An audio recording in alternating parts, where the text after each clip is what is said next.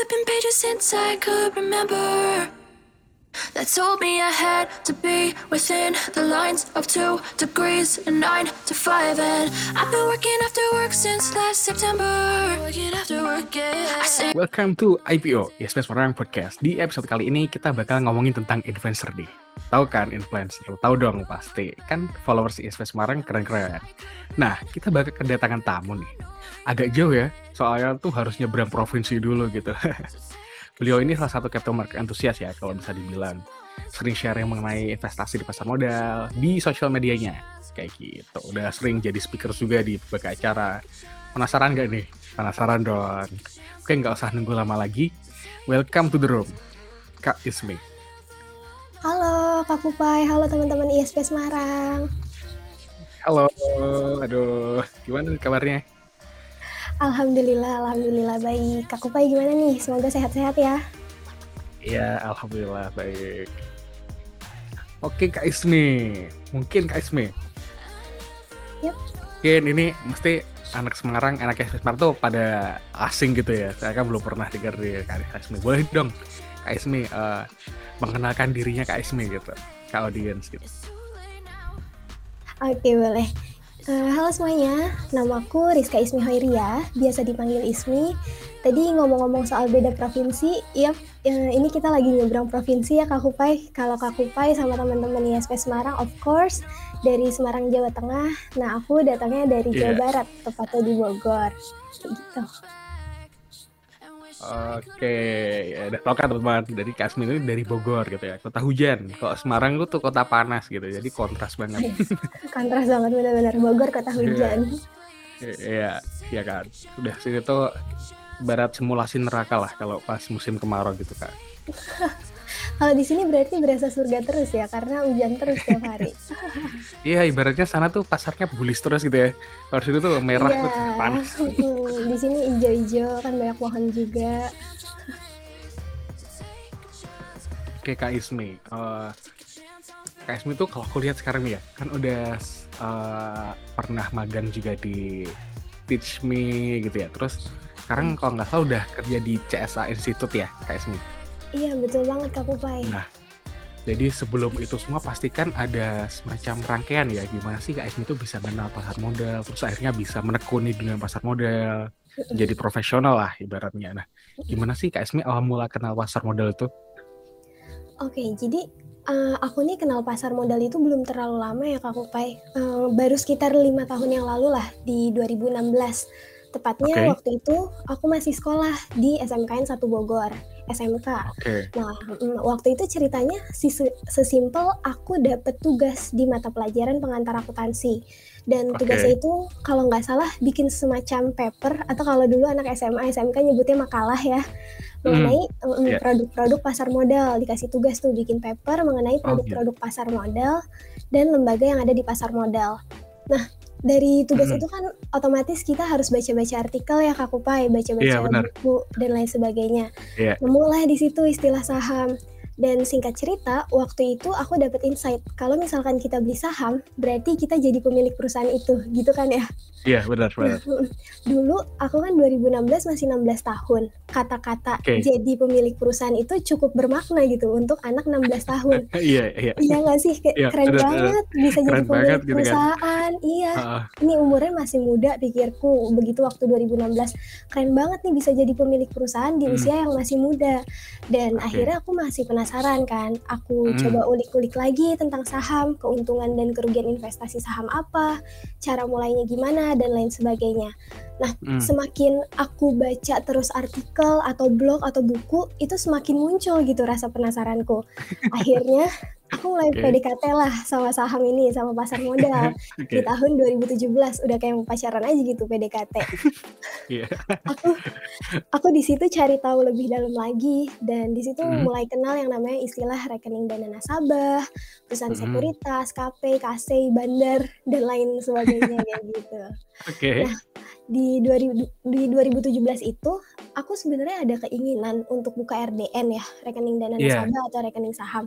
Tapi Mmm. posisinya waktu itu belum punya KTP Kak Kupai. Dan Oke. sebenarnya kan bisa aja ya minjem KTP orang tua atau Iya. KTP kakak, tapi di situ aku bener-bener nggak punya keberanian.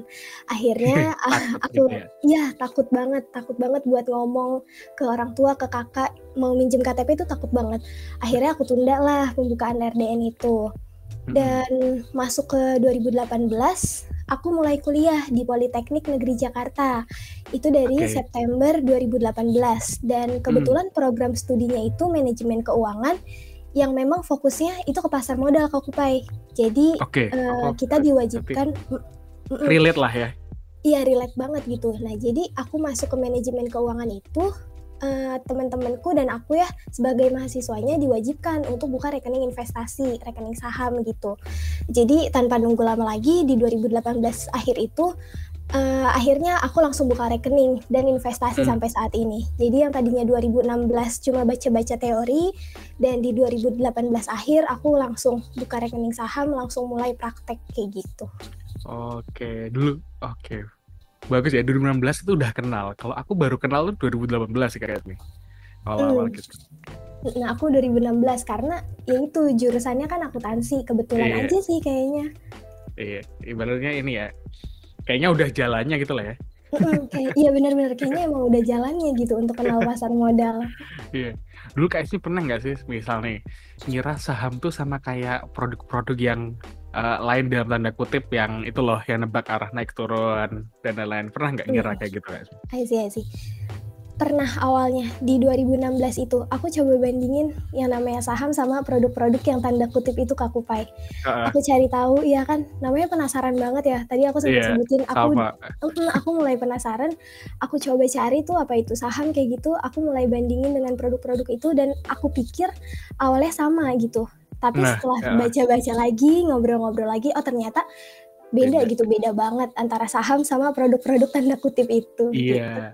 Aku dulu juga ngira gitu sih, karena dulu kalau nonton YouTube ya, iklannya kan kebanyakan tentang itu gitu. Iya, iklan bener. tentang saham gitu kan. Jadi Iya, dulu belum ada banget. Heeh, dulu tuh kalau nggak salah saya ingatku tuh di TV. Pak Jokowi itu itu loh campaign "Yuk Nabung Saham" itu loh. Mmm, iya Ya kan bener, di TV mhm, kan bener. Iya. Heeh, terus mana chartnya kan bentuknya sama ya. Kita tuh bingung Iya, kan cuma pakai candlestick. kan. Mhm, antara saham sama produk-produk produk itu kan emang chart-nya sama gitu, mirip-mirip. Mhm, iya. Jadi Terus kayak aku yang dulu ya belum tahu ya sempet sih mikirnya, "Oh kayaknya ini sama nih," oh tapi ternyata beda, beda banget gitu. Iya, beda banget ternyata. Padahal Mhm. dulu kan aku kenal pertama tuh lewat sekolah pasar modal gitu ya, Kak Ismi. Iya. Terus baru tahu lah, oh ternyata beda. Soalnya di situ pas sekolah sekolah pasar modal tuh dijelasin juga saham dan produk dalam tanda kutip itu tuh berbeda gitu. Oh, Mhm. I see. Baru paham, ya Iya ya, sebenarnya memang konsep dasarnya yang harus kita pahamin itu sih ya Kak Kupai sebagai Iya, investor. Kalau sebagai misalkan saham sama produk-produk tanda kutip itu benar-benar beda gitu, jauh beda gitu Mhm. sih. Jangan cuma, eee, tertipu oleh chartnya aja gitu. Iya, chart-nya sih memang mirip ya, tapi Iya, produknya ini beda banget. Beda banget. Oke. Keren ya tadi kita lihat eee, denger Kak Ismet tuh udah dari 2016 gitu. Wow. Nanti mungkin kalau dari sini tuh aku mungkin sedikit ini ya, eee, sedikit bisa berpikir kalau mungkin tingkat literasi di suatu daerah tuh juga mempengaruhi, eee, bagaimana tingkat apa ya, investor atau jumlah investor di daerah tersebut dong. Kayak Kak Ismi Iya. nih, di pas SMA udah mulai diajarin gitu. Aku Mhm. pas SMA tuh nggak pernah gitu, kayak Mhm. gitu. Bahkan aku kan pas saat dulu SMA IPA ya, Iya. ada peminatan tuh ekonomi. Nah itu tuh nggak pernah tuh bahas tentang pasar modal gitu. Aku bener-bener baru tahu tuh saat kuliah saat itu. Aku setuju sih ya literasi ya produk keuangan ya terutama produk investasi emang mempengaruhi jumlah investor gitu. Kayak misalkan kita lihat let's say di daerah-daerah yang kayak ibu kota Jakarta atau Bogor, itu setauku memang ya khususnya yang ini Kak Kupai, SMK, Sekolah Menengah Kejuruan yang memang ada materi Mhm. gitu, ada mata pelajaran tentang produk-produk pasar modal walaupun nggak banyak, itu Mhm. sangat-sangat mempengaruhi sih jumlah investor di wilayah tersebut gitu. Nah iya, betul. Mhm. Jadi yang namanya literasi investasi, literasi pasar modal itu benar-benar penting banget sih. Iya bener, bener. Menurutku bener-bener penting sih apalagi uh, mungkin boleh lah ya dipertimbangkan sama pemerintah gitu mulai dimasukin tentang Iya. perencanaan keuangan dari. SMP mungkin. Iya harus banget It's good, karena it's good sih. kalau misalkan kita lihat eh, kalau Kak Kupai lihat ya di Instagram pernah beberapa waktu lalu ada yang kayak Mhm. orang dari Korea masih Mhm. kecil tapi udah cuan ratusan persen dari saham, dari investasi.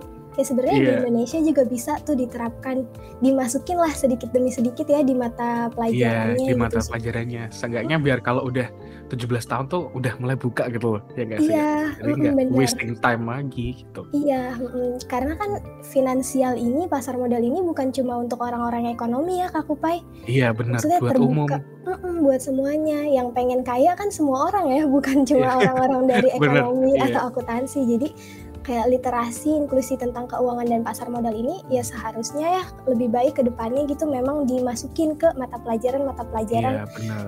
SMA lah ya seenggaknya gitu. Apa enggak SMA lah ya, yang mungkin udah agak eh, udah agak paham apa itu arti uang lah, Iya, ibaratnya gitu betul. ya. Bener-bener banget. Kalau kita SMP mungkin masih kayak eh, suka habis duit, ya. Iya, SMP mungkin gitu.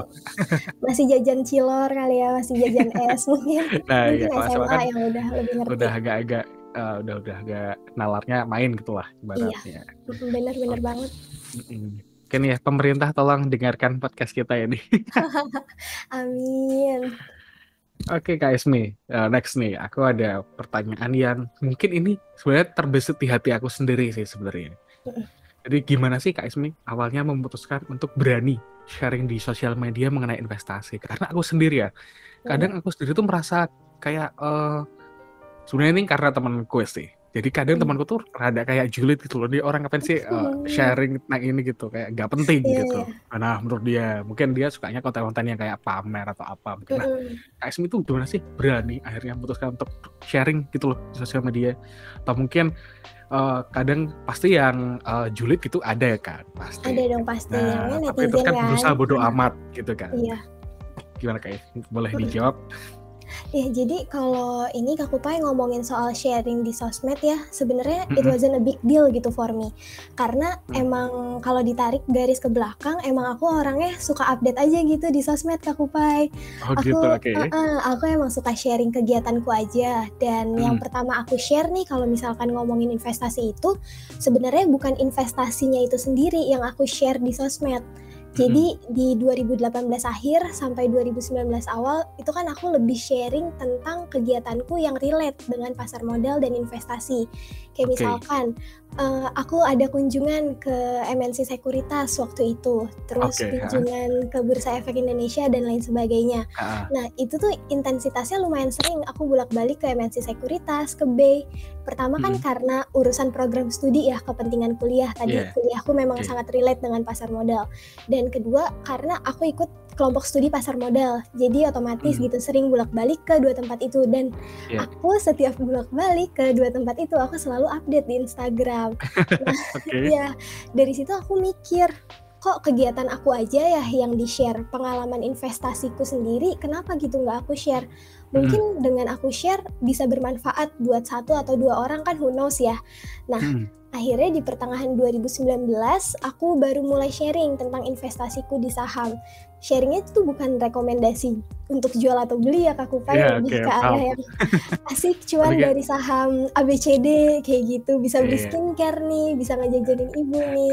iya iya oke Terus, oke Mm-mm, kalau misalkan lagi boncos atau rugi suka sharing juga captionnya tuh yang kayak aduh kok turun terus nih saham gak jadi jalan-jalan deh kayak gitu Kak Iya. Kupai. bener sih maksudnya biar orang-orang tahu tuh kalau nggak cuma seneng doang gitu loh di capital market Iya betul, Oh. betul banget. selama ini kan orang mungkin mikirnya eh, taunya senengnya aja gitu ya Mm-mm.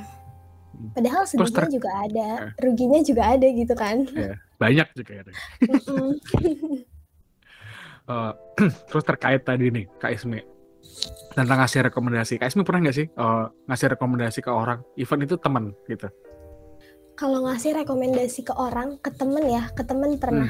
Tapi kalau ke sosmed nggak pernah. nggak pernah Karena mm-mm, karena aku sadar eh, hal-hal yang aku share di sosmed, di Instagram, Facebook, LinkedIn, Twitter semuanya itu nanti bakal minta pertanggungjawaban dari aku ke depannya. Entah Iya, itu ada benar. orang yang takutnya ya ketika aku ngasih rekomendasi, suatu rekomendasinya itu benar, ya orang bakal seneng buat ngikutin aku. Tapi sekalinya aku ngasih rekomendasi salah, itu kan orang ya bisa jadi ya kayak nge ngehina, ngehujat, ngebully kayak gitu. Nah, Itu yang iya aku bener nggak mau banget. sih. Itu yang aku nggak mau ngasih rekomendasi ke publik. Jadi kalau misalkan Hmm. rekomendasi ke teman, ke orang terdekat, iya suka gitu. Apalagi ke Hmm. keluarga sih. Soalnya keluargaku sekarang rata-rata investor, apalagi Oh, sepupu-sepupuku. Iya. keren banget. Mhm, kalau ngasih rekomendasi paling ke orang-orang terdekat aja dan memang nggak di-publish di sosmed gitu karena serem. Iya. Aku aku dulu juga pernah gitu sih Kak Asmi. Nggak nggak ke sosmed sih, sebenarnya ke temen gitu kan. Terus mungkin pertama-tama oke lah cuan gitu ya. Mungkin karena kondisi market kan berpengaruh ya, kondisi Iya, market. Nah, mhm, betul. ya terus habis itu habis itu pasti aku pernah salah dong. Namanya manusia kan aku bukan Iya. dukun ya. Ya ngerti. Heeh. terus kasih lah maksudnya dia tanya aku bilang, "Aku sih beli ini," aku begitu kan. Terus terus rugi pada saat itu dan yang terjadi ya ya dia sebenarnya itu eh, yang jadi masalah bukan aku yang dihina gitu tapi aku jadi masalah adalah saat dia tuh ngomong ke teman-teman yang lain gitu loh. Wah aku Oh ngikutin iya. rekomendasinya ini jadi rugi nih. Gimana sih katanya? Jago bla bla bla. Terus saat sa- saat detik itu juga aku nggak pernah ngasih rekomendasi ke orang even itu teman-teman dekatku gitu karena aku mikirnya gini sih kayak kalau mereka cuan aku nggak dikasih cuannya gitu kan. Tapi kalau mereka rugi aku ruginya banyak gitu.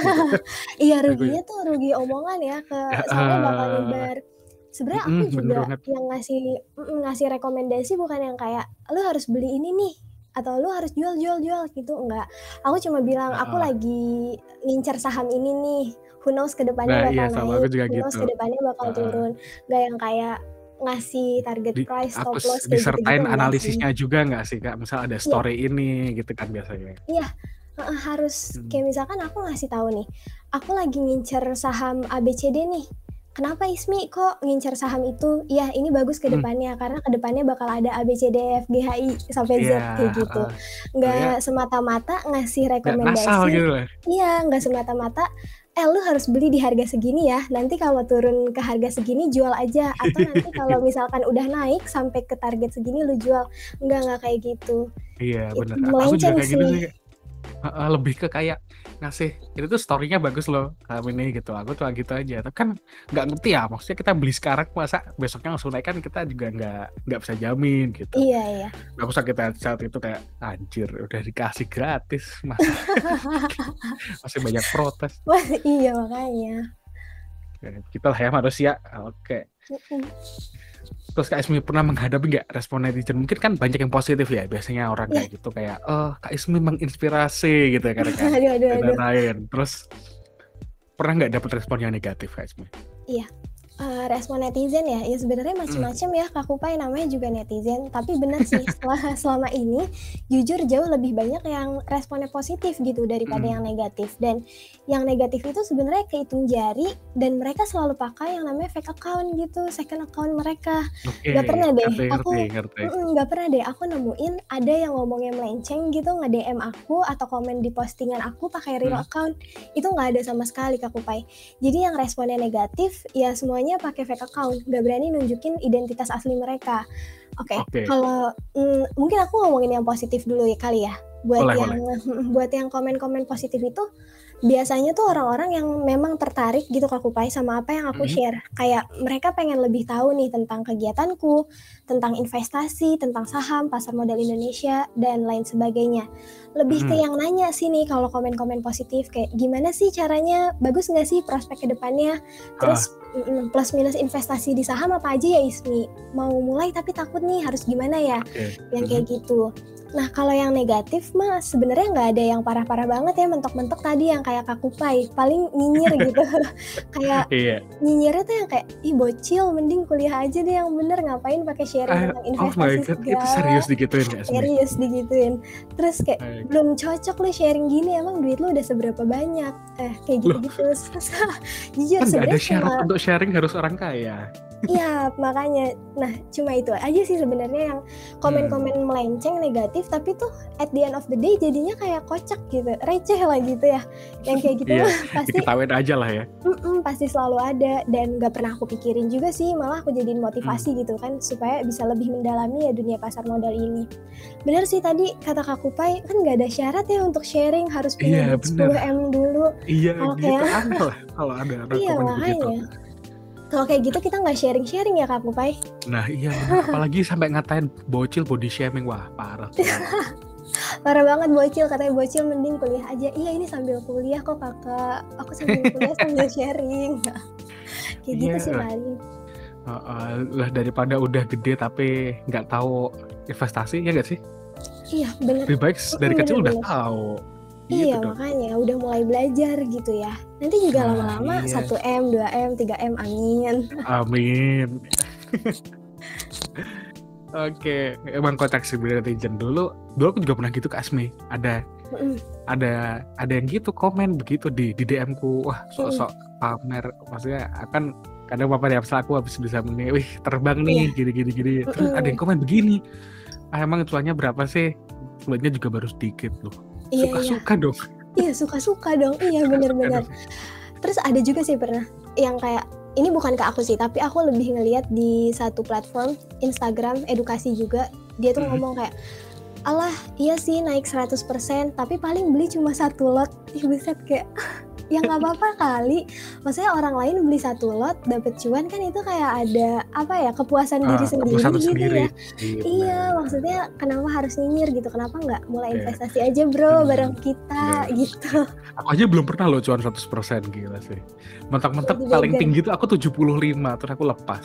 Ya sayang banget. Ya tapi abis itu turun sebenarnya Kak Oh Esmi, itu kayak turun, nggak apa-apa kalau kayak ya gitu. Ngepasin lagi putih juga kan ya udah. Iya. Oke. Iya nggak sih Kak Kupai buat orang-orang yang nyinyir kayak gitu, maksudnya kenapa ya masih ada gitu? Padahal kalau misalkan kita Hmm. ngomongin sekarang ya, kayak literasi keuangan pasar modal itu udah bener-bener bukan bener-bener ya, udah cukup tinggi gitu. Maksudnya kenapa nggak mereka Iya. mulai aja, ikut mulai gitu, bareng-bareng Hmm, gitu kita? Iya investasi, bener. Kenapa nggak belajar bareng? Nah itu loh. Iya. Konteksnya ke situ sih. Kenapa sih nggak belajar bareng? Kenapa kamu lihat orang bahagia tuh kayak Kayak kayak kamu nggak suka gitu loh. Bapaknya kayak kayak nggak suka. Nah itu. Iya, bingung juga ya. Harusnya kan investasi bareng-bareng gitu Nah seru. iya. Kalau misalnya iri karena kita bahagia, kenapa nggak bahagia bersama ikut Iya. belajar? Gitu Oh maksudnya iya. gitu. Heeh, bener-bener banget. Gitu. Emang gitu sih. Nah, siapa lagi?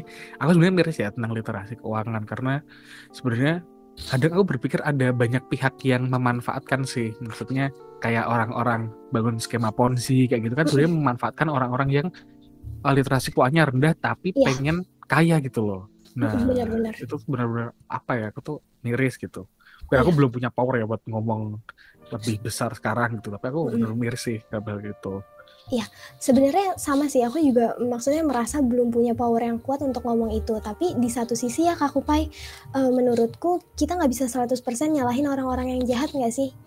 Kayak kita juga harus ngasih edukasi nih yang lebih untuk orang-orang yang memang belum ngerti tentang investasi, tentang Iya. keuntungan kayak gitu. Kayak Mhm. kita nggak bisa 100% nyalahin orang-orang yang nyiptain skema ponzi, money game. Dah di Iya. satu sisi yang kita bisa lakuin nih walaupun kita yang masih bocil gitu, yang kita yang kita bisa lakuin ya kita bantu edukasi ya ke teman-teman, ke masyarakat bahwa kalau misalkan memang mau kaya butuh proses gitu, nggak bisa yang namanya kayak cepet. Karena sesuatu yang cepat, sesuatu yang instan nanti juga jatuhnya bakal cepet juga gitu, bakal instan juga. Iya, Itu sih bener. yang jadi Easy come, PR easy go ya. Ya, easy come easy go, cepet naik nanti juga cepet turun dan itu sih yang jadi PR kita kayak Kakupai sama teman-teman ISP Semarang selaku komunitas, terus aku juga selaku Iya. individu punya PR untuk itu sebenarnya kayak ini jadi Mhm, PR kita bener. bersama nih PR kita bersama sebenarnya. Bener-bener. Karena emang gimana ya, aku sendiri ya, aku mungkin ya mungkin ini mungkin sedikit rada nyindir banyak pihak ya. Mm-mm. Kenapa ya ISP Semarang tuh kalau bikin kelas yang sifatnya edukasi, real-real edukasi gitu ya, kita bahas tentang eh, financial planning atau kita bahas tentang valuation, bahas tentang analisis fundamental, itu orang tuh sedikit gitu loh yang join. Tapi begitu judulnya dikasih sedikit clickbait gitu, itu Mm. pasti banyak yang join gitu. Kenapa Oke. gitu? Kalau menurutku emang mungkin masyarakat Indonesia tuh yang tidak mencintai proses sih, menurutku ya. Nah, jadi mereka eh, 100% agree sih. akhirnya Heeh, akhirnya orang-orang yang pinter dalam tanda kutip ini memanfaatkan money game itu untuk menjerat orang-orang yang ingin kaya Yang dengan cepat tanpa iya. belajar. Ya supply and demand lah ya sebenarnya. Iya bener-bener. Iya mindsetnya sih, mindsetnya masih lumayan parah ya masyarakat Indonesia bener pengennya tuh sesuatu yang instan, sesuatu yang cepet, tapi tuh mereka nggak tahu risikonya gitu, risiko di belakang Mhm, sesuatu bener yang cepet bener itu bener. kayak gimana. Bahkan Mhm. ini sering banget ya diomongin sama orang-orang mie instan aja yang instan butuh proses kan buat masaknya, buat bener, sampai butuh kita dimasak makan. loh. Iya butuh dimasak loh 3 menit ya kalau nggak salah. Iya. Tapi kenapa kenapa mau kaya tapi maunya cepet banget gitu kan nggak bisa kayak Nah, gitu. iya. Terus kalau ngomongin titik-titik duit tuh ya tolonglah ke Mmm. yang udah profesional aja gitu loh. Sekarang Iya ada iya. platform namanya Reksadana. Mhm, bener. Nggak usah lah yang profit empat 20% sehari itu nggak mungkin gitu. Iya nggak mungkin banget. Itu banyak ya Kak Kupai di Iya Telegram. banyak Aku bahkan, Mhm. eee, hampir tiap hari di-invite ke grup-grup semacam itu. Iya Kayak itu tuh kayaknya emang oknum gitu tuh sengaja deh masuk ke grup-grup belajar buat, Iya. apa, nginvite-in orang gitu kan. Mhm, bener bener. Aku tuh hampir tiap hari di-invite ke grup yang titip dana titip dana, kayak 1 hari 20% terus bisa balik modal dalam waktu singkat, keuntungannya tuh disebutkan Iya, pasti dis untung, disebutkan kayak pasti gitu-gitu. untung. Iya Naruh jadi sekian juta, balik sekian juta. iya padahal namanya investasi nggak ada yang pasti untung ya Kak Kupai. Bener banget, Maksudnya kalau kita lihat saham yang potensinya itu bakal besar banget di masa depan, dan itu juga keuntungannya nggak pasti gitu. Apalagi Mhm. Mhm, yang kayak titip-titip dana di Telegram nih banyak banget. Kayak nggak ada lah sesuatu yang pasti kayak gitu. Iya bener. Ibaratnya, eee, teman-teman tuh jangan percaya yang too good to be true sih kalau menurutku kayak Mhm, bener bener. percaya yang ada buruknya aja nggak masalah gitu, kayak saham Iya. ada ruginya gitu kan. Mhm.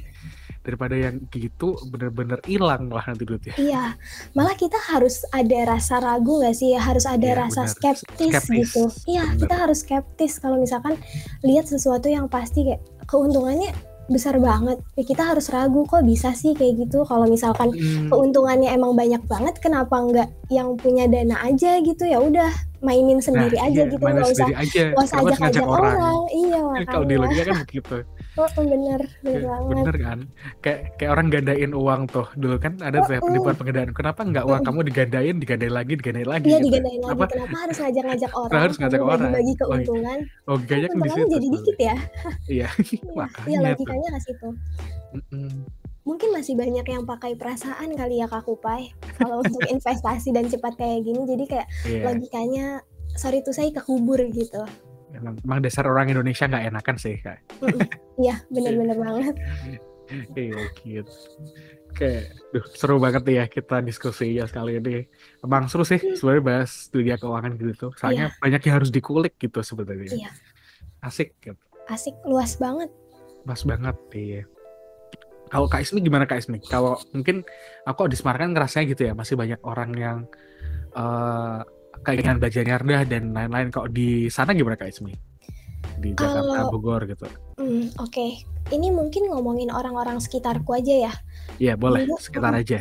keluarga, temen deket kayak gitu. Du dulu tuh kayak perjalanan asik perjalanan, perjalanan investasiku tuh nggak nggak lurus-lurus aja Kak Kupai gitu. Maksudnya Oke. aku sempet ada penolakan juga di keluarga dan di teman-teman ketika aku ngomong, Mhm. "Ismi udah mulai investasi saham." Maksudnya penolakannya, rejection-nya tuh yang kayak, "Ngapain sih kayak investasi Iya. saham?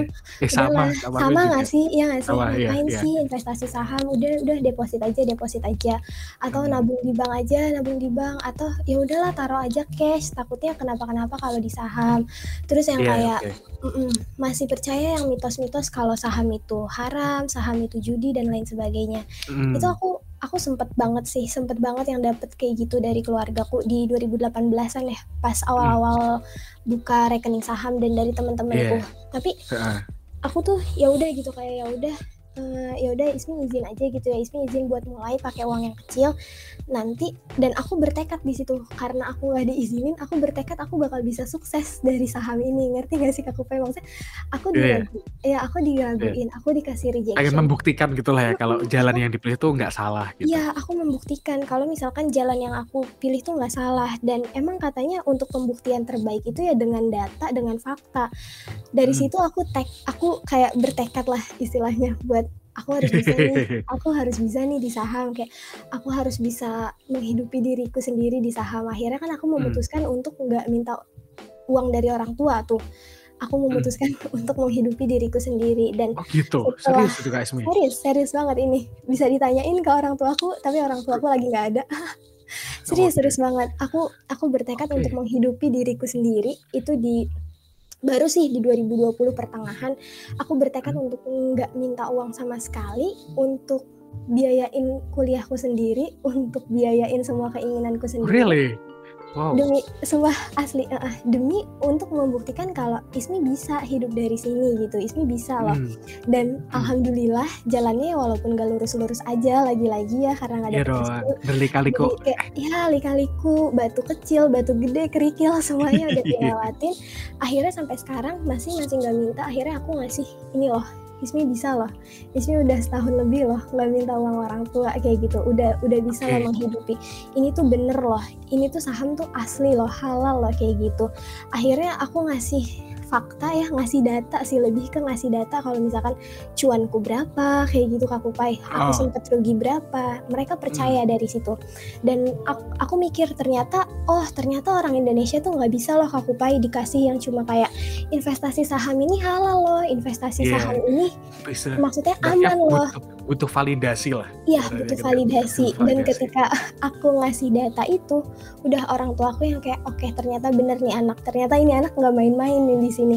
Oke akhirnya aku aku mulai edukasi terutama ke keluargaku, ke teman-teman dekatku, ya itu yang tadi aku bilang akhirnya, eee, rata-rata sepupuku sekarang investor, trader, dan teman-temanku juga udah banyak gitu yang mulai investasi di pasar modal. Karena memang Mhm. tujuan awalku ya kalau misalkan mau influence, eee, itu Mhm. orang-orang terdekatku. Aku memang tujuan awalnya orang dari orang-orang terdekatku dulu nih, supaya orang-orang terdekatku ngerti tentang keuangan, ngerti Mhm. tentang investasi, dan aku yakin merek ketika mereka udah ngerti tentang keuangan, ketika mereka udah ngerti tentang investasi, mereka juga bakal nyebarin lagi. Dan Iya, kalau bener. ditanya mhm, kalau ditanya tentang literasi, udah lumayan bagus sih di lingkunganku gitu. Oh good berarti ya Gitu. Bener sih, aku juga pertama tuh dari keluarga Kak Ismi. Soalnya tuh dulu, eee, sebenarnya tuh dari ceritanya nih ya, tetanggaku tuh dulu ada yang kayak begitu, Mhm. investasi saham. Nah, terus itu perusahaannya ceritanya delisting saat itu. Kalau Mmm. mau tahu tuh dia investasinya di perusahaan yang aku sebut lah ya nggak apa-apa, soalnya udah Mhm. delisting itu Cipaganti. Oh, oke. Nah dulu tuh ceritanya kayak perusahaan itu kayak booming banget gitu loh. Iya. Ceritanya dulu, itu tahun 2010 ke bawah deh. Nah tetanggaku di sana, nah terus pas itu aku mau bilang dong aku mau investasi saham dan lain-lain, Mhm. pasti minta izin orang tua dulu kan, Iya kalau masih kuliah gitu kan. Mhm, Nah terus nah terus orang tuaku refer-nya ke sana, "Loh, ini kok kamu mau rugi gimana, uangnya hilang gimana dan lain-lain." Nah ibaratnya pas itu kan udah ada validasi yang, eee eee, buruknya gitu ya. Gara-gara bener bener. Baru lihat yang buruknya aja ya mhm. buruknya terus ya tetanggaku itu lah, terus aduh gimana nih aku bilang, terus terus Mhm. tapi aku tetap nekat, terus kayak, "Ya udah nggak apa-apa insyaallah enggak," terus tapi Iya. tetap dikasih izin ceritanya. Ya Mhm. udah, sampai sekarang masih gitu. Cuma emang awalnya emang ada penolakan seperti itu karena udah ada, eee, ya cerita itulah dari Iya. tetanggaku gitu. Kayaknya emang banyak nggak sih Kak Kupai, maksudnya yang seumuran-umuran kita 20 something yang dulunya dapet Mmm. rejection dari keluarga, dari orang tua, Iya, benar. karena, mindset mereka ya masih itu, investasi saham itu haram, kayak gitu, masih mindset-mindset yang Mhm. kayak gitu. Kalau orang tuaku sebenarnya refer-nya bukan haram sih gara-gara lihat tetanggaku rugi ya? Lebih Iya. ke rugi ya? Lebih karena ruginya ya, mungkin takut lah ya anaknya mengalami hal yang sama Iya, gitu kan. mhm, mhm, bener bener banget. Terus kalau aku sebenarnya refer ke Kak Feli ya, Feli. Syahputri, itu Iya. kenapa sih orang tua tuh, eee, orang tua kita ya, Iya. khususnya kenapa kok nggak ada yang investasi saham, maksudnya sedikit banget investasi saham atau investasi di paper asset gitu ya, reksadana dan lain. Karena, eee, di zaman saat orang tua kita masih muda gitu, Mhm. kan saham belum booming gitu. Jadi Iya, mungkin bener. taunya kayak tanah, investasi Iya. emas, properti gitu. Jadi Deposit gitu. heeh heeh, jadi mereka, eee, taunya orang-orang tua kita tuh, ya investasi yang baik tuh ke sana gitu. Iya. Nah sedangkan kita kan sekarang udah informasi terbuka dengan lebar, semuanya kita tahu ada di cryptocurrency, ada saham, ada Mhm. reksadana dan lain-lain, peer to peer lending sekarang gitu Iya, bener dan banyak lain-lain. banget Jadi sekarang. kita punya banyak pilihan. Nah sedangkan orang tua kita saat itu opsinya masih sedikit gitu. Iya, bener bener. Eee, masih ke ke arah real asset ya, benar tadi, tanah, Heeh. rumah, properti, kayak gitu. Dan mungkin karena investasi ke financial asset ini nggak terlalu digencerin di TV kali ya Kak Kupai. Nah, Maksudnya iya ada mungkin sih. ya. Mm-mm, Ya. yang tadi 2018 kayak iu nabung saham kampanye itu Hmm, kan. saham. Itu sebenarnya ada, tapi kan nggak sesering nggak sesering itu gitu, nggak sering-sering banget gitu. Makanya kan kalau orang tua kan Iya. biasanya nonton TV ya dan di TV tuh jarang. Iya bener. Iya Bener, sih, jarang-jarang banget gitu. Ada edukasi atau sekedar iklan buat investasi ke financial asset tuh jarang Mm-mm, gitu. Jarang bener. Tapi ngomong-ngomong soal iklan ya Kak Kupai, Kak Kupai kalau di Jabodetabek itu udah Hmm. mulai ada loh di KRL di kereta udah mulai ada edukasi-edukasi tentang financial asset gitu kayak ngasih Bagus tahu. dong. Kak Kupai ya, ini nggak sih? Iya bagus banget tahu nyanyian yang investasi bodong OJK nggak itu? Kayak yang gitu-gitu pokoknya. Enggak, enggak Di- tahu. Di sini enggak ada kayaknya. Oh di situ nggak ada. Iya kalau di Jabodetabek di KRL-nya udah mulai ada edukasi-edukasi kayak gitu di KRL-nya di Oke. kereta. Jadi bagus banget sih. Bagus Maksudnya banget kan dong. banyak orang tua ya di kereta Hmm. kan macem-macem umurnya kayak Iya, bagus banget macam-macam sih. bener. Mm, Ini programnya bagus banget gitu. Jadi di tengah-tengah lagi sibuk eh, jalan dari tempat satu ke tempat lain gitu, Iya. sekalian belajar gitu ya. Iya sekalian belajar, Belajar. se- sekalian dengerin lagu yang investasi-investasi gitu dari OJK keren banget sih. Hmm. Ya bagus sih. Emang kayaknya tuh emang perlu kayak gitu gak sih kan masyarakat kita kita sukanya nyanyi gitu. iya, iya bener-bener. Jadi emang nggak bisa ini ya kalau edukasi tuh nggak bisa dibawa ke jenjang yang serius terus ya. Iya benar. misalkan, Ibaratnya diselipin di kehidupan itulah. Iya harus Iya, diselipin sih. Heeh, kalau orang Indonesia diselipin ke hal-hal yang memang istilahnya ringan gitu. Iya bener. Menurutku juga gitu sih. Karena kadang kita kan nyantolnya kadang earworm tuh lagu iklan, ya gak sih kak? Iya, bener, bener, bener. Kayak iklan. Spotify kan, kita Ah, suka ah, ah. apal. Eh, mungkin Ya, kak ah. dengerin lagu-lagu investasi dinyanyiin terus di KRL, ya semoga masyarakat pada inget Hmm, gitu ya. Ada, iya benar. Harapannya earworm gitu kan, Iya. tergiang terus bener-bener. bagus sih. Aku kalau nggak salah ya, eh, pas itu aku bacanya di Twitter sih, baca berita di di Twitter gitu kan. Kalau eh, e-sport itu mau dimasukin ke mata pelajaran anak SMP atau SMA gitu loh nggak salah. Oh iya, Ya, kalau pasti aku bacanya di Twitter. Nah, aku mikirnya gini loh, kalau e-sport bisa masuk harusnya financial planning juga boleh dong, perencanaan keuangan, Oh, iya. investasi dan lain-lain, ya nggak sih? Bener-bener. Gitu. Iya sih, kalau misalkan e-sport ya PBESI ya kalau nggak salah mau ngejadiin itu sebagai mata pelajaran, kenapa Hmm. yang lebih penting nggak dimasukin gitu ya? Berarti kan bisa aja Ya. gitu nextnya. Mungkin bertahap Hmm. kali ya, semoga. Mm. Mungkin ini kali KSB. pengalaman. Mungkin belum dapat kurikulumnya kalau. Oh ya kan, iya, siapa tahu. Mm. Iya bisa jadi emang kurikulumnya belum Karena aku tuh ada. ngerasain kak, jadi kan ISP Semarang tuh ada eh, proker baru nih ceritanya. Kita ada project baru tuh ISP Semarang Gusto School. Mm. Nah di situ tuh Mm. ke anak SMA. Nah itu tuh masih agak-agak bingung gitu loh pas ngebahas tentang investasi itu apa kayak eh jadi yang tanya tuh jadi kayak beberapa aja gitu. Tapi yang lain tuh mungkin nggak tanyanya itu karena udah ngerti atau bingung tuh aku nggak tahu gitu Hmm. jadi kayak tingkat antusiasnya sedikit kurang nah Kurang. itu antara emang bosen atau masih berusaha mencerna gitu kan ya Iya iya. atau emang nggak paham gitu masuk Mungkin ke kanan bisa ketiga-tiganya kali ya Kak Kupai mungkin emang nggak ngerti sama sekali masih mencerna atau sebagainya tapi itu menurutku Oh. program kerjanya bagus banget sih mungkin bisa di ini kali ya diperbaiki di cara menyampaikan dan lain sebagainya. Hmm, karena mungkin iya. bisa ya itu tadi yang relate dengan kehidupan mereka seperti apa. Mungkin bisa dibawa ke arah ke situ kali ya Mm, buat edukasinya. Tapi itu bagus banget loh Kak Kupai. Ghost to Iya. School. Ya baru di tahun ini sih sebenarnya itu kayak gitu. Mm-mm. karena aku mikirnya kayak saat itu aku ceritanya lihat IDX Semarang itu hmm, eh, bikin kelas pengenalan investasi ke guru SMA ceritanya saat itu Mm-mm.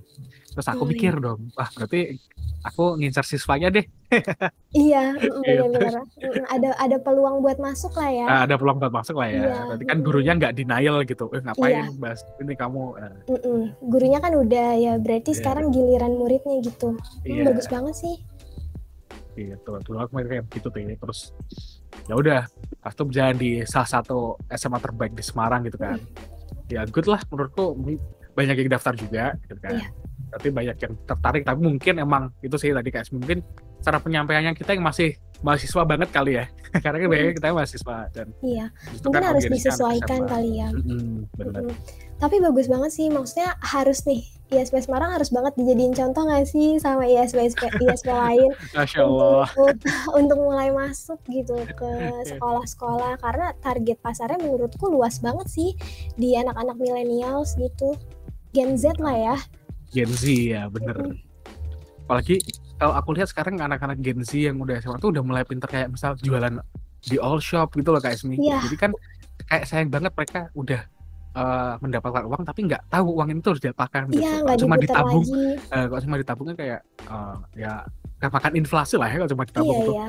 Mm-mm. Hmm, kayak gitu. Nah itu loh Kak Kupai ngomong-ngomong inflasi ya kayak Hmm. eh, yang digencerin pemerintah lumayan kayak deposito bunganya sekian, bank Iya. bunganya sekian, tapi tuh nggak pernah yang kayak namanya di TV ada ngomongin tentang inflasi tuh bahaya loh, inflasi tuh monster loh. Makanya mungkin Nah, masyarakat benar. kita banyak yang belum tahu gitu ya. Kalau misalkan ini inflasi tuh monster loh yang tiap hari senyum ngabisin nilai uang kalian.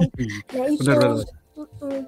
Ah, kayak sebenarnya emang karena nggak kelihatan ya jadi kayak nggak sadar gitu Iya loh. ya, Mm-mm, kayak Mm-mm. mm, bener nggak kelihatan. kayak coba setiap hari ngeluh aduh harga barang itu naik Naik. lama-lama nah padahal itu Iya. karena ada Bro, inflasi itu karena inflasi, bro. Iya, Gitu, iya. iya, bener banget oke waduh seru banget ya kayak kita ngomongnya oke kak Isme jadi kita udah bahas banyak nih ya dari sudut pandang kita lah tentang investasi gitu. Sampai eh, bagaimana orang-orang di sekitar kita tuh menerima kita saat berinvestasi atau enggak gitu kan. Nah boleh sharing pengalaman nggak kak Ismi selama di dunia pasar modal? Mungkin boleh pas jadi speaker atau pas lomba atau pas magang gitu yang akhirnya kak Ismi tuh jadi lebih apa ya lebih mencintai pasar modal lah lebih suka lagi gitu. Hmm, oke oke. Eh, lomba. Jadi eh, waktu sebelum COVID ya Kak Kupai di 2019 itu lombanya masih enak banget. Kayak lomba sekalian jalan-jalan. Seru banget gitu karena vibes lombanya, vibes deg-degannya itu benar-benar kerasa. Di 2019 itu aku sempat ke ini, kita sempat ketemu, tapi nggak tahu Kak Kupai ingat apa nggak. Kita Ingat dong, ketemu. ingat. Oh, ingat. Iya, Di Salatiga kan ketemu. itu. Mm-mm, di Salatiga di Universitas Kristen Satya Wacana ya 2019. ya UKSW iya benar Heeh, UKSW waktu itu kita ketemu aku nggak juara sih aku pai kayaknya lima besar nih ya waktu itu aku tuh iya pas tuh Eh, posisi mm. empat aku ceritanya Hmm, posisi empat mepet kan miris iya mepet banget aku posisi ke 10 waktu itu nggak itu apa-apa karena first time banget lomba kayak seminggu seminggunya tuh ada acara organisasi tiba-tiba lomba 2019 Hmm. tuh ke Semarang ya ke Salatiga langsung dari Hmm. Bogor kayak gitu itu ikut lomba equity research analysis competition ya Iya, kalau nggak salah Mm-mm. terus sempet juga pas eh, sebelum covid 2019 aku ke SBM ITB ikut Oke. ini National Capital Market Championship lagi itu Hmm. ikut online teori sama paper juga Nah, tapi kan semenjak COVID masuk ke Indo ya di 2020, semua lomba tuh iya berubah selalu jadi online ya. online Iya, Kak Iya, Kupai bener. sebenarnya dibilang gak seru sebenarnya masih seru sih, tapi ya tetap kurang gitu kerasa vibe lombanya. Hmm. Dan aku tuh walaupun terjunnya di pasar modalnya, tapi aku aku jujur banget lebih suka bikin video edukasi Kak Kupai yang memang bisa Hmm. didengerin, bisa dilihat sama banyak orang. Jadi kalau Oke. misalkan ditanya lomba-lomba paper, lomba pernah tapi kehitung jari gitu. Aku memang fokusnya Iya. di lomba-lomba yang video kayak gitu. Kayak waktu itu Oke. aku mm, sempat ini pas ulang tahun ISP enggak sih Kak Ismi? Ah, Iya. Kan, ya iya yang HUT pasar modal ke-43 ya yang ISP Iya. plus 1 ya alhamdulillah kan dapet the best. Terus keren dapat banget loh dapat kesempatan buat sharing sama Kak Niki Hogan. Itu sih kayak wah alhamdulillah banget gitu dapat kesempatan diskusi sama Kak Niki Hogan. Terus lomba apa lagi ya? Oh ini lomba yang sama masih lomba video Kak Kupai di Hmm. yang kompetisi HUT 43 Pasar Modal Indonesia dari Wah. Bursa Efek Indonesia itu yang nyelenggarain IDX. Hmm. Terus iya sih gitu sih. oh Kak Ismi menang juga yang nyelenggarain IDX itu menang juga Iya alhamdulillah. Yes. Alhamdulillah dapat juara satu. Itu 2000 Alhamdulillah. berapa ya? 2020. 2020 2020 sih ya? Iya 2020. mm, 2021-nya aku nggak Hmm. ikut sih. Jadi aku 2020 eh, aku udah eh, stop gitu di akhir tahun aku stop 2020 nggak ikut-ikut lomba lagi. Jadi karena emang fokusnya udah beda. Cita-citaku, tujuanku di 2021 itu udah beda gitu. Tapi Oke. kalau ngomongin ini ya, kenapa suka ikut kompetisi, kenapa suka ikut Hmm. lomba, kayak jadi ketantang gak sih Kak Kupai? Iya bener. Iya, walaupun ya walaupun ya dari belasan lomba yang aku ikutin yang menang itu bisa kehitung jari gitu. Tapi Iya. Iya nggak apa-apa dong. nggak apa-apa nggak apa-apa banget gitu untuk mencoba untuk kalah Iya. gitu ya nggak apa-apa banget. Aku jadi ngerasa tertantang. Dan yang aku suka nih Kak Kupai dari ikut lomba Hmm. itu yang pertama aku jadi tahu kapasitas diri sih. Aku Benar. jadi tahu ya secetek apa sih ilmu yang aku punya dan dari situ Hmm. aku bisa tahu apa sih yang perlu aku improve dari diri aku supaya ke depannya bisa lebih baik lagi nih, bisa jadi juara nih kayak Kak Kupai di kompetisi selanjutnya dan lain Ya sebagainya kayak gitu. Terus eh, aku juga suka ikut lomba karena aku bisa punya kenalan atau relasi baru entah itu dari Iya, kompetitor benar. kayak kita kan kenal dari lomba Iya. di KSW ya waktu itu. Iya bener banget Mm-mm. kenalan pas itu. Iya, ad- terus ada beberapa saingan lomba yang memang sekarang malah jadi temen gitu kayak temen sharing Hmm. bareng tentang pasar modal, Hmm. sharing tentang trading, investasi dan macam-macam lah pokoknya. Dan aku juga sadar nih kalau misalkan semenjak aku lomba ya, aku sadar Hmm. kalau misalkan Indonesia ini sebenarnya punya banyak banget anak muda yang berbakat gitu, yang memang Iya bener. passionnya ada di pasar modal ini gitu loh. Dan Hmm. aku yakin banget kalau misalkan anak-anak muda yang berbakat itu dikasih semacam wadah atau tempat berkembang, kita ini bakal jadi benar-benar fantastis gitu 10 sampai 20 tahun ke depan. Bener, gitu. aku setuju banget sih. Apalagi yang itu sih Kak Ismi yang kayak eh, mengukur kemampuan diri ya itu bener-bener kayak itu terasa banget sih kayak oh ternyata yang mungkin ya kadang kita kan kayak wah aku lolos nih top 10 wah gitu. tapi Iya, kadang udah mm. rada-rada sombong-sombong dikit ya keren Iya. deh kan gitu kan Tapi pas lihat saingannya, pas hari H, ya menangis ampun. Iya, udah lah insecure, udah menangis. Iya sih bener jadi tahu kapasitas diri ya kayak iya ternyata ilmu yang kita punya nih nggak sebanyak itu loh, ternyata masih Hmm. cetek. Jadi kita harus improve ke depannya. terus yang kayak jelas gitu. tuh sebenarnya eh, masukan dari juri sih kalau aku Mm-mm, jadi bener. sedikit ceritanya kak sih pas di Salatiga tuh wah aku kan itu pertama kali lomba paper ya gitu ya pas itu Oh Biasanya tuh sama aku- pertama kali juga. Heeh. Sebelum Oh. itu aku lomba trading, tapi aku tuh nggak Mm-mm. pernah lolos top 10 ceritanya. Jadi aku kan Mm-mm. kayak kayak desperate gitu loh. Anjir aku masa lomba trading nggak pernah lolos itu. Terus aku nyoba paper sekali. Karena kan kalau paper kan enak ya berbanyak ya bertiga. Iya gitu bertiga kan. ya. Mm-mm. Mm. Jadi orangnya banyak lah. Terus lolos top 10 wah keren nih. Jadi pertama kali kan mas masuk final tuh. Mm-mm. Terus mungkin aku juga nggak paham ya ternyata tuh eh should be a data in number gitu loh. Iya. Saat itu aku lebih ke story, aku jelasin tentang story perusahaan itu Hmm. gimana. Aku Iya, iya. datanya cuma tentang valuasi aja. Kita targetnya sekian berdasarkan valuasi metode Iya. ini gitu kan. Nah, terus itu juri, waduh langsung tewas tuh kayak Abis ya. iya Abis langsung gak sih sama juri? Jurinya Ih. juga keren-keren banget. Iya. Oh, oh KSP juga kena tuh sama juri ya. Kena, kena, kena bantai juga dong. kayak ditanya "Eh, kamu kalau berinvestasi tuh lihat angka atau lihat huruf gitu kan angka apa ya terus kamu kenapa ini apa papernya banyak apa hurufnya daripada angka gitu Iya. Iya kena bantai sih asli. Eh, iya terus Tapi seru ya. seru Nah itu mm-mm, jadi tahu. sih buat next competition gitu Bener-bener, bener banget. Jadi kayak oh berarti seharusnya nggak kayak gini nih di kesempatan Mm-mm. selanjutnya di lomba selanjutnya kayak jadi ki- mm, ibarat kita tuh belajar mempresentasikan data gitu menceritakan data gitu ya kayaknya akhirnya aku Iya. pahamnya ke sana sih iya bener-bener. Nah eh, terus tadi kan lomba ya Kak Kupai. Hmm. Terus kalau misalkan ngomong tentang sharing, ja- ngomongnya jangan narasumber kali ya. Berat banget istilahnya kalau narasumber kayak ya kayak udah ahli banget ya speakers sharing-sharing gitu. Hmm. Nah sebenarnya aku nggak tahu ya tiba-tiba di 2020 tuh yang akhir aku tadi sempet nyinggung ya aku Hmm. memutuskan untuk stop lomba tuh di situ kayak Hmm, fokusku oke. mau ke yang lain fokusku mau mencari uang sebanyak-banyaknya entah itu lewat pekerjaan atau lewat trading tapi tiba-tiba di tahun 2021 ini tawaran jadi speakers jadi untuk sharing-sharing itu benar-benar datang banyak banget Kak Kupai aku masih nggak tahu aku masih nggak tahu sampai sekarang jujur masih masih masih nggak tahu sampai sekarang kenapa kayak tiba-tiba aja gitu Tiba-tiba tapi aja. mm, tapi kalau aku perhatiin gitu rata-rata tuh aku diundangnya gitu sama kompetitor aku waktu lomba kayak misalkan sekarang nih Kak Kupai aku tiba-tiba Hmm. tiba-tiba di, di WhatsApp untuk untuk ngobrol-ngobrol di IPO kan terus Hmm. eh, rata-rata diundangnya dari teman-teman KSPM lain atau organisasi lain gitu yang Oke, memang ha. notabene aku kenal gitu Ibaratnya ya udah kenal sebelumnya gitu ya kak. Mm-mm. Nah, yang aku bisa tangkep kenapa aku kenapa aku bisa tiba-tiba gitu atau kenapa nih aku dulu sering banget ikut organisasi, ikut lomba kayak gitu.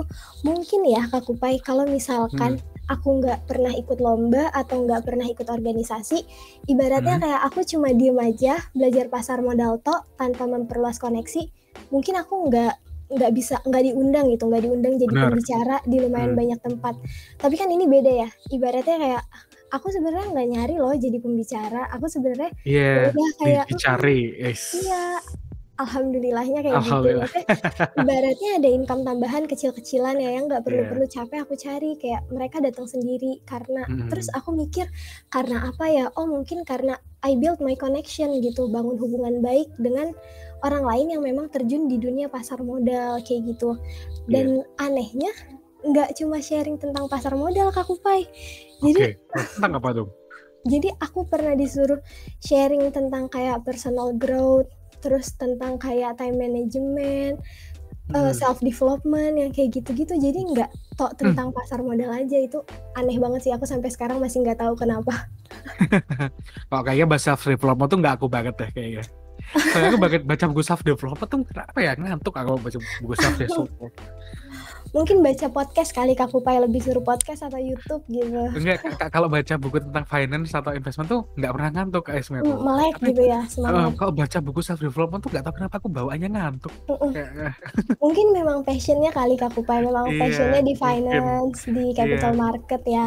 kayak gitu sih. jadi lebih lebih lebih seneng kalau kayak baca konten kan ada tuh kadang di Instagram konten tentang self development tuh baca. Mm-mm, Tapi kalau baca. baca buku yang bener-bener buku gitu ya aku nggak Mm-mm. bisa ngantuk. Ya itu kayaknya emang bukan passionnya gitu ya. Iya. emang lebih ke finance.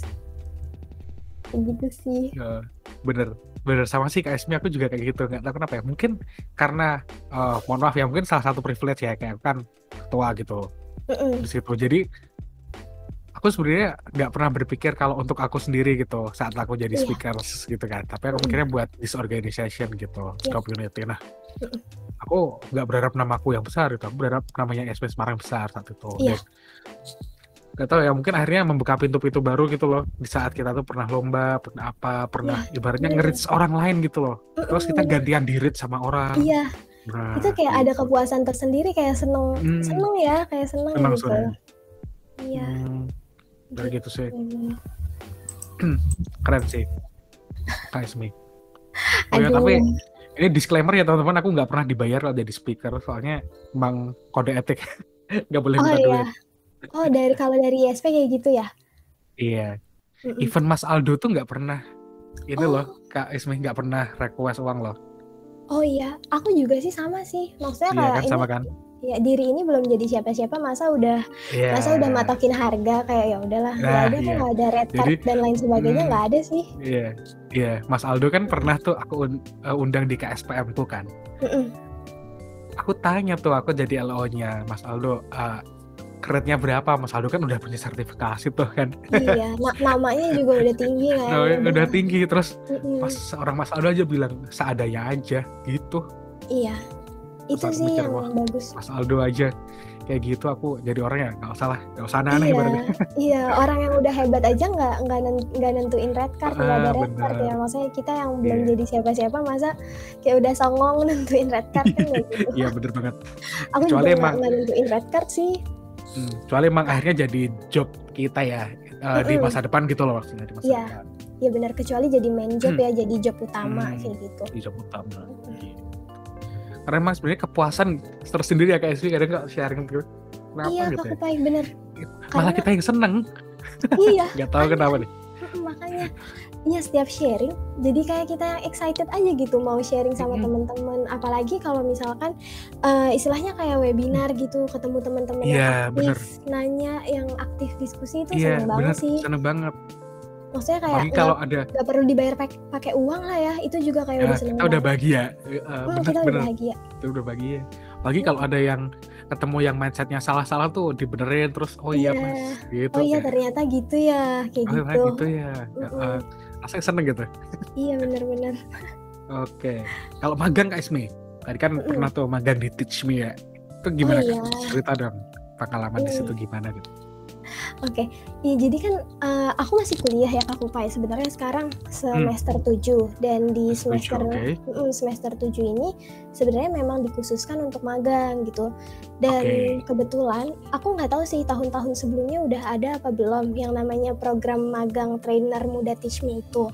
Hmm. Tapi di tahun ini sebenarnya rangkaiannya tuh dari tahun kemarin kalau nggak salah apa di awal tahun 2021 kita ikut sejenis kegiatannya workshop Teach Me rangkaian kegiatan gitu terus kita dapat beasiswa untuk lisensi WPPE pemasaran terus buat orang-orang yang lulus dikasih kesempatan nanti buat seleksi mm, daftar magang di Teach Me Oke. Nah waktu itu karena emang pas banget nih aku waktunya magang, aku iseng-iseng lah daftar sama tiga temenku namanya Misha dan Isti. Jadi memang magangnya itu per kelompok. Nah Oke. di eh, seleksinya itu sebenarnya nggak susah-susah banget waktu itu Mhm. diseleksi dari nilai kan lisensi walaupun ditulisnya lulus atau nggak lulus tapi tetap ada nilai kan ya di baliknya itu. Iya. Mm, di seleksinya dari nilai itu. Seleksi pertama tuh dari nilai dari data administrasi. Alhamdulillah aku, Misha sama Isti lolos Kak Kupai. Terus Oke. eh, terus terus seleksi selanjutnya eh, seleksi terakhir sih sebenarnya cuma ada dua seleksi. Nah, seleksi kedua ini eh, semua yang lolos seleksi itu harus ngebuat semacam slide presentasi semenarik mungkin selama cuma presentasinya tiga menit. Tok, bayangin Tentang tentang apa itu Kak Ismi? tentang investasi tentang pasar modal Oh, di dua topik modal. itu Hmm. untuk tiga orang tapi presentasinya tiga menit itu bener-bener muter otak banget gimana caranya bikin juri bikin yang nyeleksi itu kayak ngerasa excited gitu ya. excited ngerasa ini keren banget itu bener-bener sih asli disuruh presentasi tiga menit untuk tiga orang tuh kayak bingung banget Ya ampun bingung dong. iya mana itu seleksi terakhir kan akhirnya Ah. tuh akhirnya aku muncul ide oh kenapa kita nggak bahas yang ringan-ringan aja gitu. Kalau misalkan tiga menit kan nggak mungkin bahas yang kayak berat-berat Iya, banget. Itu kan malah yes, nggak iya. nyampe ya kak Kupai. Nah aku ngidein ke Isti sama Misha untuk bikin kayak podcast di Oh, gitu. presentasi. Jadi presentasi tetap pakai slide powerpoint itu bikin semacam podcast ngomongin mitos-mitos investasi saham yang Mm-mm. kayak Oke. Eh teman-teman, aku pernah ini loh ngasih survei ke teman-teman di sosmedku kalau misalkan dengar kata investasi saham apa sih yang mereka pikirkan? Terus ada yang kayak oh mereka pikirin ha- eh, saham itu haram loh, saham itu judi, nggak bener, nggak Hmm. aman dan lain sebagainya. Akhirnya di tiga menit itu kita ngobrol-ngobrol aja dan asli nggak nyangka banget juri semuanya suka. juri semuanya suka Ya dengan ibaratnya present- out of the box lah ya. Biasanya Mm-mm. orang kan mungkin mikirnya presentasi biasa gitu kan. Iya presentasi yang assalamualaikum warahmatullahi wabarakatuh. ya ini kita bikin podcast. Aku Misha sama Isti bikin podcast. Akhirnya juri suka banget. Terus akhirnya rekomendasinya tuh sangat rekomendasi Hmm. gitu. Akhirnya lolos. Dan Oke. kegiatannya sebagai trainer muda itu sebenarnya lebih ke self improvement ya Kak Kupai. Kalau di sana Hmm. Di coaching, kita di mentoring kayak Hmm, benar. untuk public speaking yang baik dan benar gimana, cara presentasi yang powerful itu gimana. Terus kita juga dikasih training, dikasih coaching tentang digitalization, Oh. terus kayak Mirip kayak TOT gitu nggak sih Kak? Iya, TOT ya? Mirip training TOT of trainers ya. Iya, ha. Mm-mm. Iya mirip kayak gitu. Terus kayak kita sebagai trainer muda yang istilahnya nanti bakal jadi public speaker, gimana cara berpakaian, gimana cara jalan, gimana cara ngomong di depan publik dan lain sebagainya. Sebenarnya kegiatannya tuh eh, kegiatan utamanya kayak gitu Kak Kupai. Tapi untuk kegiatan-kegiatan lainnya itu kita eh, sering ada sharing-sharing masalah seputar pasar modal, masalah tentang investasi, diskusi lah gitu istilahnya terus eh, sit in di kelas-kelas investasi, di kelas SPM kayak gitu. Dan tujuan akhirnya kenapa kita di coaching, kenapa dikasih mentoring tentang public speaking, terus how to make a powerful presentation dan lain sebagainya, itu kita kalau Kokupai lihat lagi itu aku sempat nge-share namanya acara investment for beginners. Nah, Mhm. itu itu tujuan akhirnya dari adanya program Trainer muda itu. di program eksekutif kita diminta ditantang lah gitu, ditantang untuk bikin acara sendiri namanya Investment for Beginners kayak gitu. Oke, keren keren. Keren sih. Itu pengalaman berharga sih maksudnya. Kayak kita juga bikin ini Kak Kupai. Teach Me kan ada e-learningnya ya. Mhm. kita Iya bikin benar benar. Iya, kita bikin-bikin soal tentang luas sih soalnya nggak tentang saham doang, nggak tentang investasi doang, tentang semua-muanya kita bikin, kita ditantang untuk bikin kayak gitu. Jadi banyak gitu, banget sih oke. manfaatnya mm, yang Itu e-learning yang pas sertifikasi gitu, bukan?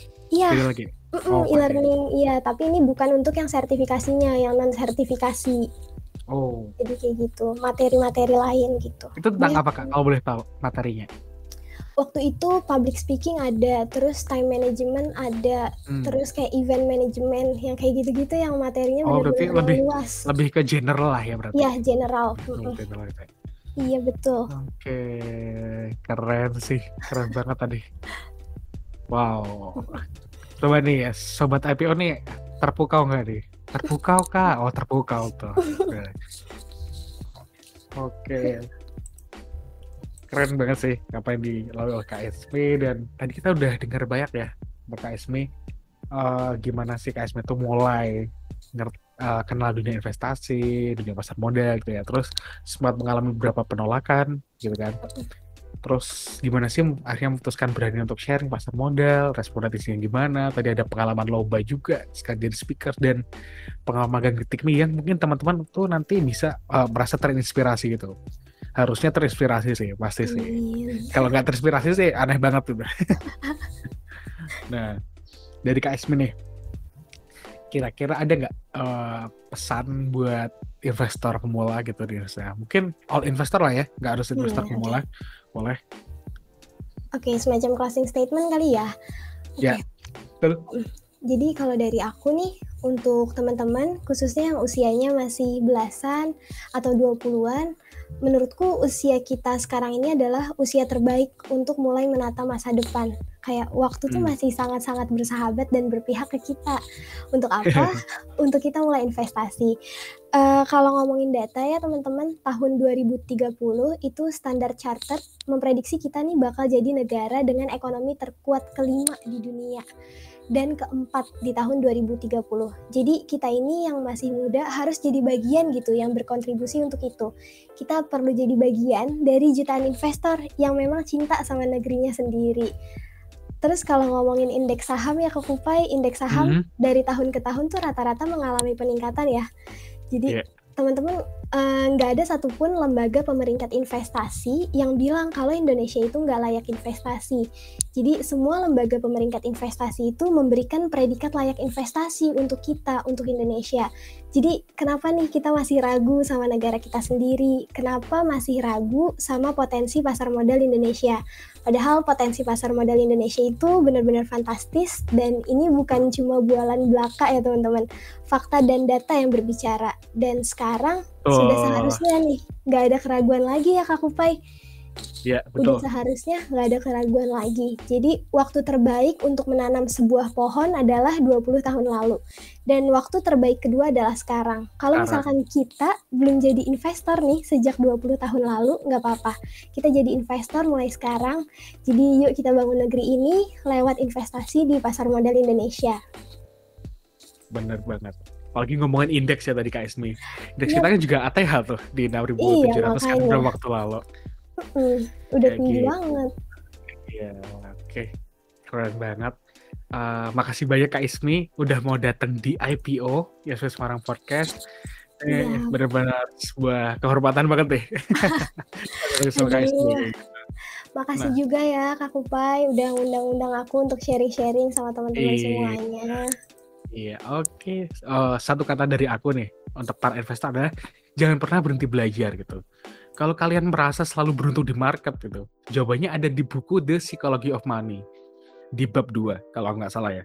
Itu di mana keberuntungan dan risiko, luck and risk itu perbedaannya tuh tipis banget, dipisahkan oleh sehelai rambut.